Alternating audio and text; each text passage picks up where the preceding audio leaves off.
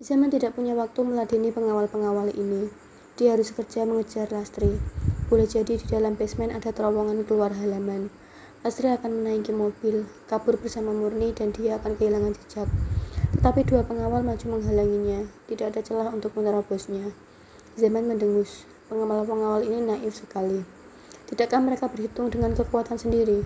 Sepertinya dia harus membuat semua pengawal tersungkur baru bisa mengejar Lastri. Zaman melipat lengan ke mejanya. Baik, kalian maju. Zaman mendesis tajam. Dua pengawal itu menyerang. Zaman melompat menyambutnya. Dua kakinya bergerak cepat menendang ke udara. Kiri, kanan, dua pengawal itu tumbang, bahkan sebelum melihat apa yang menghantam kepalanya. Itu jurus tendangan taekwondo yang mematikan. Zaman berlatih bertahun-tahun untuk menguasainya.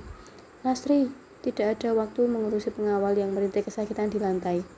Zaman berlarian menuju ruangan belakang, membuka tutup besi di lantai yang tersamarkan di bawah karpet. Menuruni anak tangga, tiba di ruangan basement luas. Ada empat atau enam mobil klasik berharga mahal di bawah basement.